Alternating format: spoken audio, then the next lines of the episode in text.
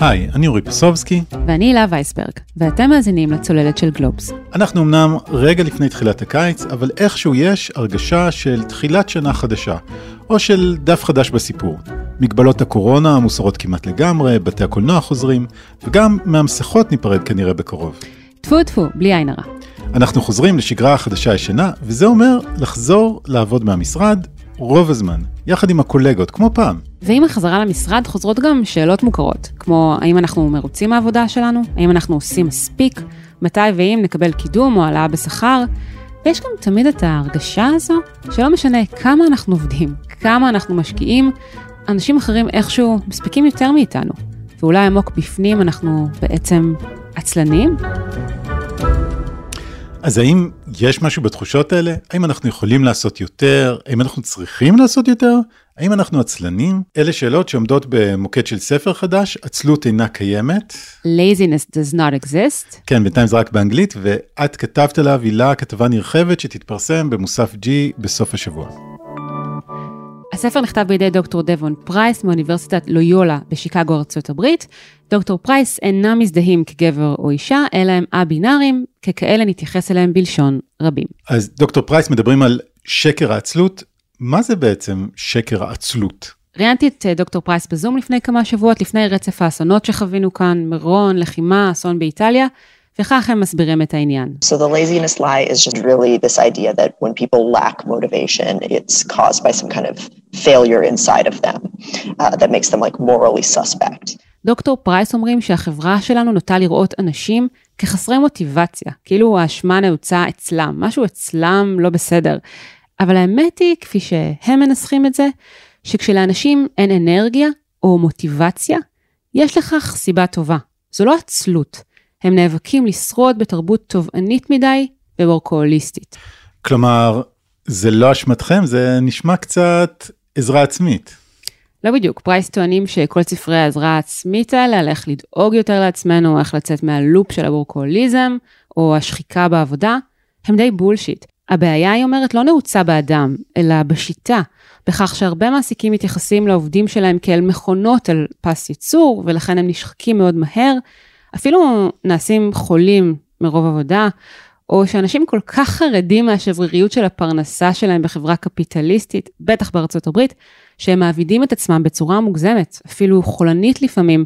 היא מספרת למשל על חבר שלה, שהוא uh, ברמן בשיקגו, ושבתקופת הקורונה, מכיוון שכל הברים נסגרו, הוא מצא את עצמו חרד, מבוהל, מעצם ההרגשה הפתאומית הזו שנפלה עליו, שהוא לא יכול לעבוד, והוא אפילו שקל לפתוח בר לא חוקי אה, ולסכן את החברים שלו בכך שחלילה יכלו ושהוא יחלה, והיא מסבירה את זה, בכך שהוא כבר הקיא דם בעבר מרוב עבודה, עד כדי כך הוא היה חולה. אז מה זה בשבילו לחטוף דלקת ריאות נוראית? וואו, אז דוגמה אה, קיצונית לוורקוהוליות. כן, וזו הסיבה שהעבודה הפכה להיות חלק כל כך דומיננטי בהגדרה העצמית שלנו. במה אנחנו עובדים, האם אנחנו עובדים מספיק, ובמה לעזאזל למלא את החלל, כשלפתע אי אפשר לעבוד. So, you know, I'm not someone who's all about just do more self care and take more naps. But actually, what I'm really kind of arguing for in the book is way more revolutionary than that. It's about totally restructuring your life so that the things that you do work on, the things you do pour energy into, are the ones you really believe in. אז דבון פרייס אומרים פה שהעניין הוא לא לעשות יותר שנ"צים, אלא מה שחשוב זה שאדם יהיה קרוב לערכים שלו, למה שגורם לו להרגיש חי, למה שהוא מאמין בו.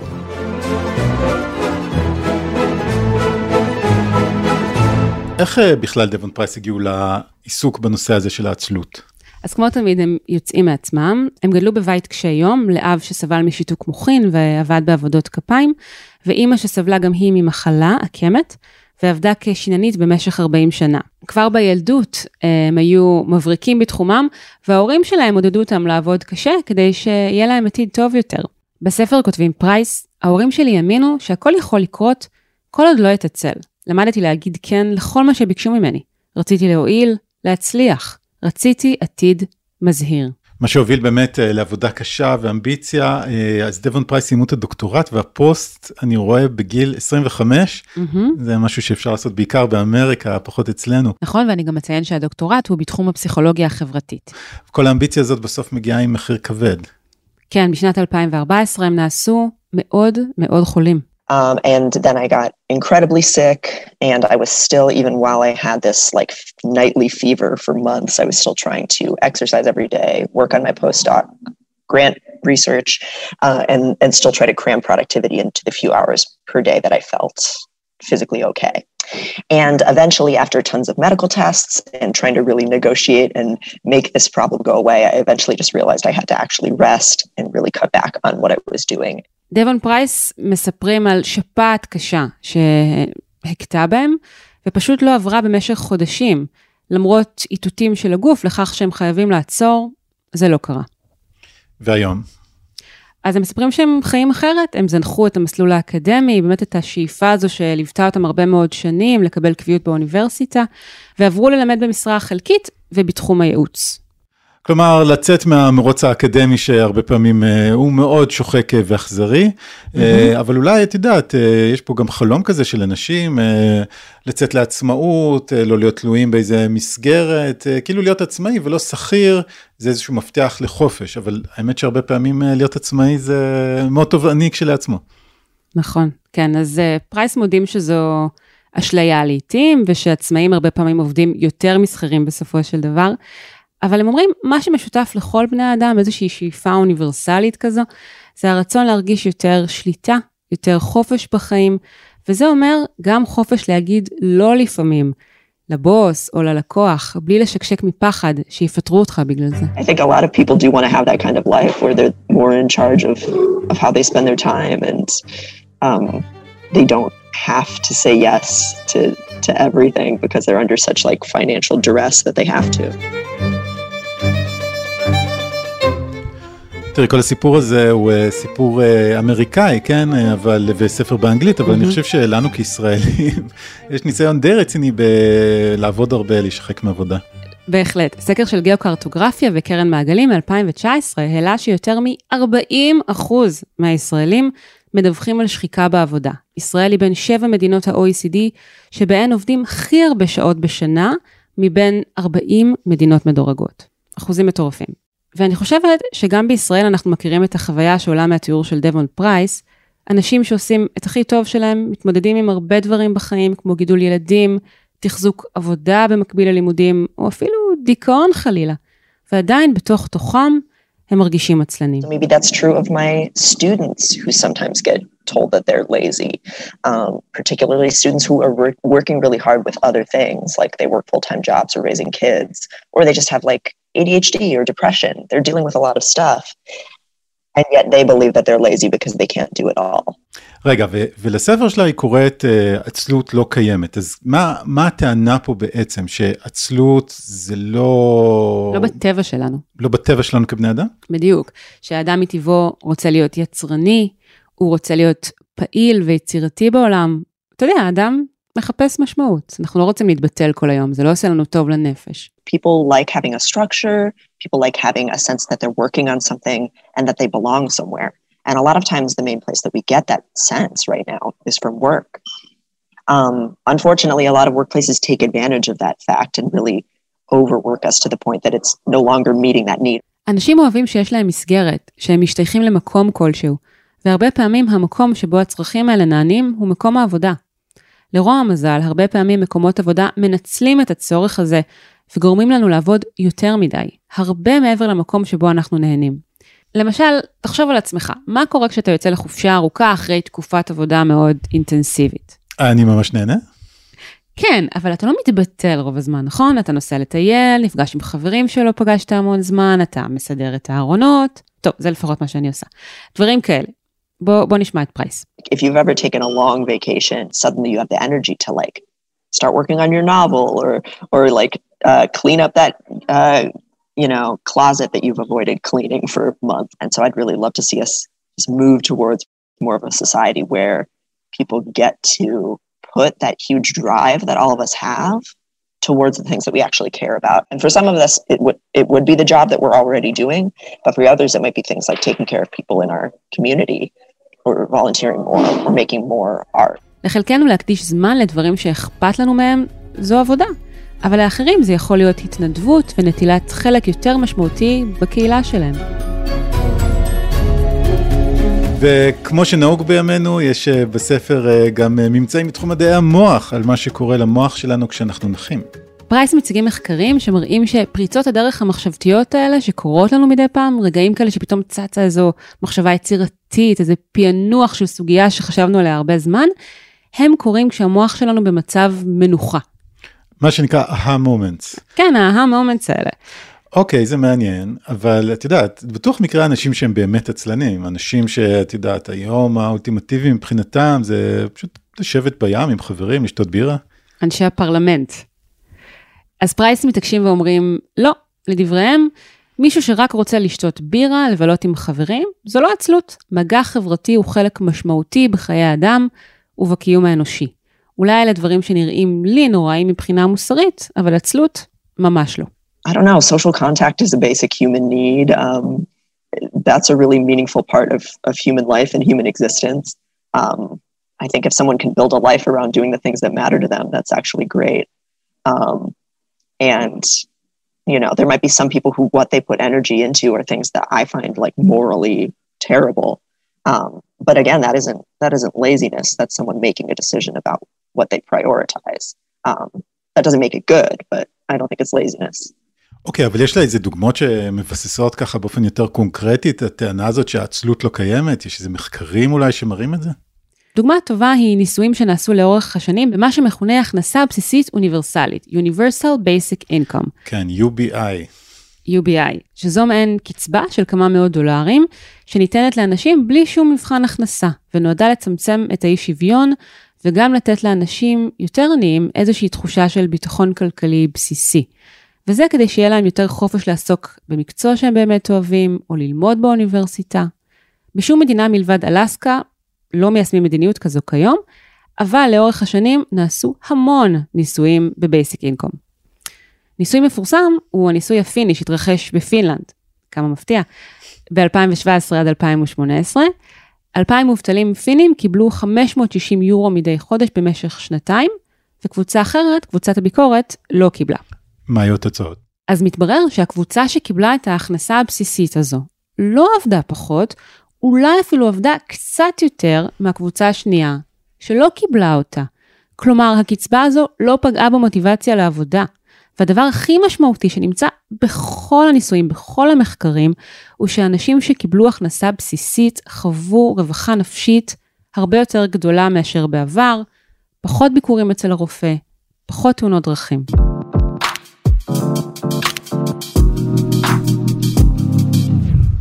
הזכרת את אלסקה? כלומר, מדינת אלסקה בארצות הברית יש שם basic income? סוג של, אה, באלסקה רווחי המדינה ממשאבי הטבע שלה, מינרלים, נפט, גז, מושקעים בקרן ממשלתית לטובת האזרחים, The Alaska Permanent Fund, וממנה הם מקבלים דיבידנד שנתי בסכומים משתנים. מה שהתגלה באלסקה זה שהקצבה הזו שניתנת לאזרחים אפילו הגדילה במעט את התעסוקה. ואת אה, מביאה גם אה, תובנות ממש מישראל בנושא הזה. לאחרונה שוחחתי בנושא הזה גם עם פרופסור דניאל גוטליב, עד לאחרונה סמנכ"ל המחקר של הביטוח הלאומי, וכיום מרצה באוניברסיטה העברית. הוא מאוד מתעניין בהכנסה בסיסית אוניברסלית וגם חקר את הנושא, וזו אחת התובנות שלו. זה באמת משהו שהוא חיובי מבחינת הבן אדם, אה, מעוט היכולת, זה נותן לו ביטחון, ביטחון כלכלי. מצאו את זה גם במחקר הפיני, זה הרגיע את האנשים, זה גרם להם לעשות יותר את מה שהם אוהבים, ונכון, זה פחות, אה, אה, זה, זה לא תואם את הגישה הקפיטליסטית.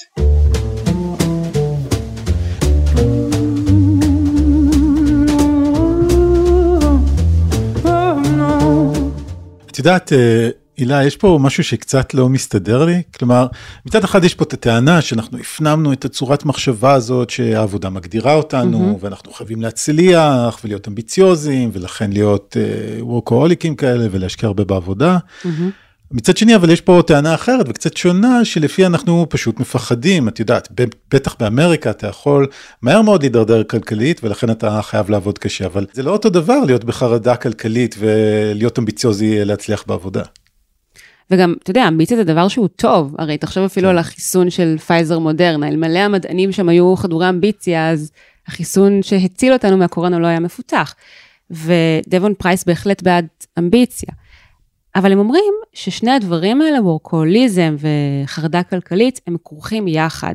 שמכיוון שברוב האנשים מקננת חרדה כלכלית מאוד עמוקה, והחיים הכלכליים הם שבריריים מאוד, אז השתרשו הקודים החברתיים האלה, שלפיהם העבודה היא חיינו.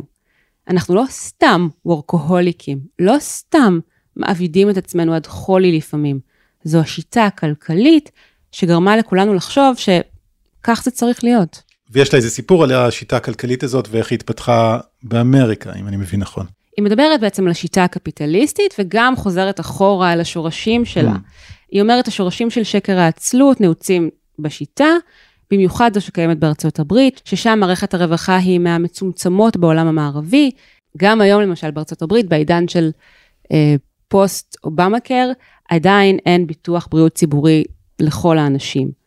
ויש גם קונטקסט היסטורי שמגיע עד שנות העבדות בארצות הברית, כשבימים ההם, לדבריהם, ביססו באמריקה הסתכלות של שחור ולבן כלפי עבודה. מי שעובד ומייצר הוא טוב, ומי שלא, רע. לכן, כשדבון פרייס רואים הורים שחולפים על פני הומלס ברחוב ומסיטים את המבט אה, של הילדים שלהם ואומרים להם, אל תיתנו לו כסף כי הוא ישתמש בזה לסמים, זה מאוד מקומם בעיניהם. כן, ויש את הרעיון האמריקאי הזה, החלום האמריקאי, שכל אחד יכול להצליח, אפילו הומלס ברחוב, אם, אה, אם הוא רק יעבוד מספיק קשה.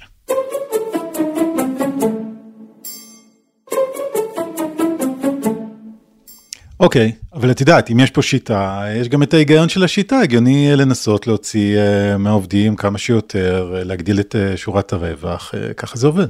אתה שואל מה אפשר לעשות בעצם. אז, אז דבון פרייס אומרים שני דברים. האחד, עסקים צריכים להבין שאם הם מותחים את הגבול יותר מדי, מעבידים את העובדים שלהם יותר מדי, אז הם ישחקו ובסוף הם יעזבו, כולם יפסידו מזה. כך שבקצת הפוך על הפוך, הם אומרים דווקא להיות עסק שדואג לעובדים שלו, לרווחה שלהם, זה אפילו בסוף יותר טוב לשורה התחתונה. היא קוראת לסוג כזה של עסקים, עסקים חומלים. So we know that employees who have more flexible work schedules are happier and more productive. We know that most of a person's productivity is done in the first, you know, three, maybe four hour day, and the rest of their eight hour or more workday is diminishing returns. And yet, most workplaces still stick to micromanaging and overworking their employees.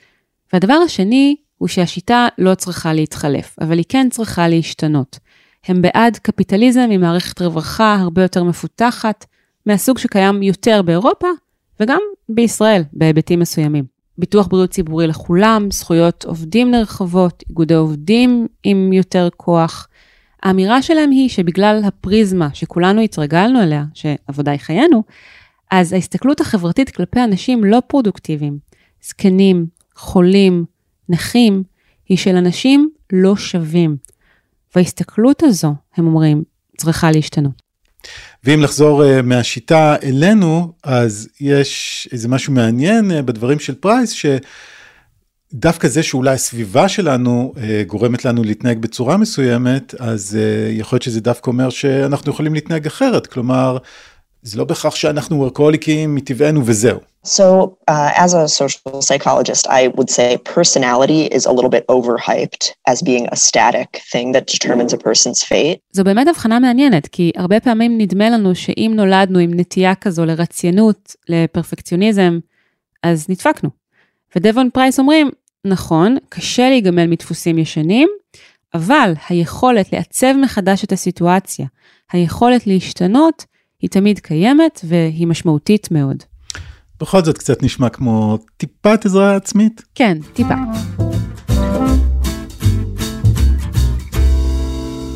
למרות שהם לא אוהבים ספרי סלף-הלפ על איך להפסיק להיות וורקוהוליקים, הם כן נותנים כמה טיפים לחיים יותר מאוזנים. אולי החשוב מביניהם קשור בדיוק ביכולת הזו להשתנות.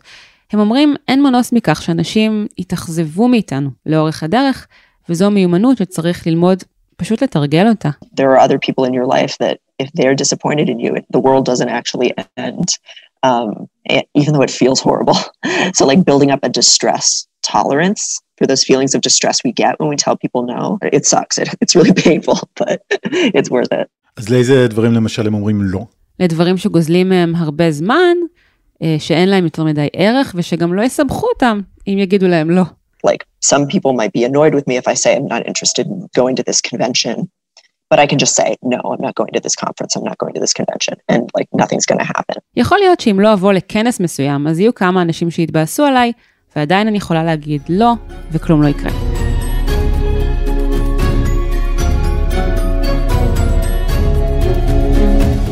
יש משהו בכל התזה הזאת שטיפונת מפריע לי. אם אני מבין נכון את המסר של דוקטור פרייס, אז יש פה מין איזשהו ווין ווין, כלומר, גם אפשר לשנות את השיטה וגם חברות יכולות להבין שהן יכולות לדרוש פחות מהעובדים שלהם, אבל גם כולם ירוויחו מזה, כי העובדים יהיה להם יותר רווחה, אבל הם גם יהיו יותר יצירתיים, ויהיו להם את ה aha moments האלה, והם יפיקו יותר, והרווח של החברות... אה, רק יגדל. רק יגדל, זהו בדיוק, אבל... אני לא יודע, אני יודע שזו צורת חשיבה מאוד נפוצה בימינו, שיש את ה double bottom line, וגישת בעלי העניין ומה שלא יהיה, אבל תמיד בסוף כולם צריכים להרוויח יותר, אבל את יודעת, אולי... אה, זה לא עובד ככה, צריך לבחור. כן, מה אם המסר היה, אה, אנשים יעבדו יותר, פחות, וגם נרוויח פחות, כלומר, יכול להיות שגם זאת אפשרות, אני לא יודע. אתה יודע, זה מזכיר לי איזושהי סיטואציה שנכחתי בה לפני כמה שנים, בימים שטסנו לחו"ל, לצרפת. טסנו לאיזושהי חופשה של כמה ימים לעיר מקסימה שנקראת נאנט. ושם נתקלנו בתופעה שפשוט נדהמנו ממנה. כאשר רצינו לאכול ארוחת בוקר, ובית הקפה שבאנו אליו מכר רק שתייה. לא היה שם אוכל, אבל הוא אמר, אם תלכו לבית קפה שמעבר לכביש, אנחנו עושים איתם איזה מין הסדר כזה, תיקחו את האוכל משם. וזה היה נראה לנו הכי מוזר בעולם, שבמקום שבית הקפה יביא אוכל ומנות וכל מה שאפשר, כמו שנהוג בישראל, וככה יגדיל את שורת הרווח שלו, הוא עושה איזה שת"פ עם בית קפה אחר. אז אולי קודם כל יש משהו במה שאתה אומר.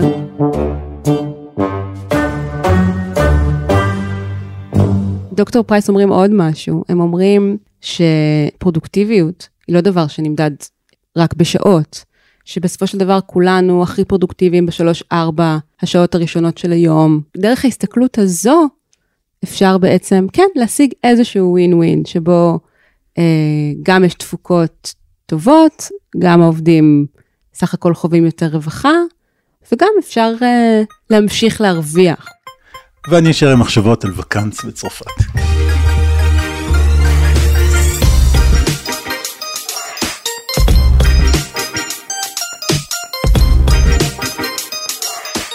עד כאן עוד פרק של הצוללת. כדי לקבל עדכונים על פרקים חדשים, אתם מוזמנים לעקוב אחרינו באתר גלובס, בספוטיפיי, או איפה שאתם מאזינים לפודקאסטים.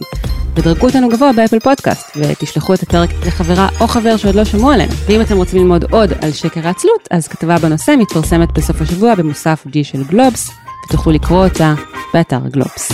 את הפרק ערך סלע וייסבלום. אני הילה וייסברג. אני אורי פסובסקי. נתראה בפרק הבא. ביי ביי.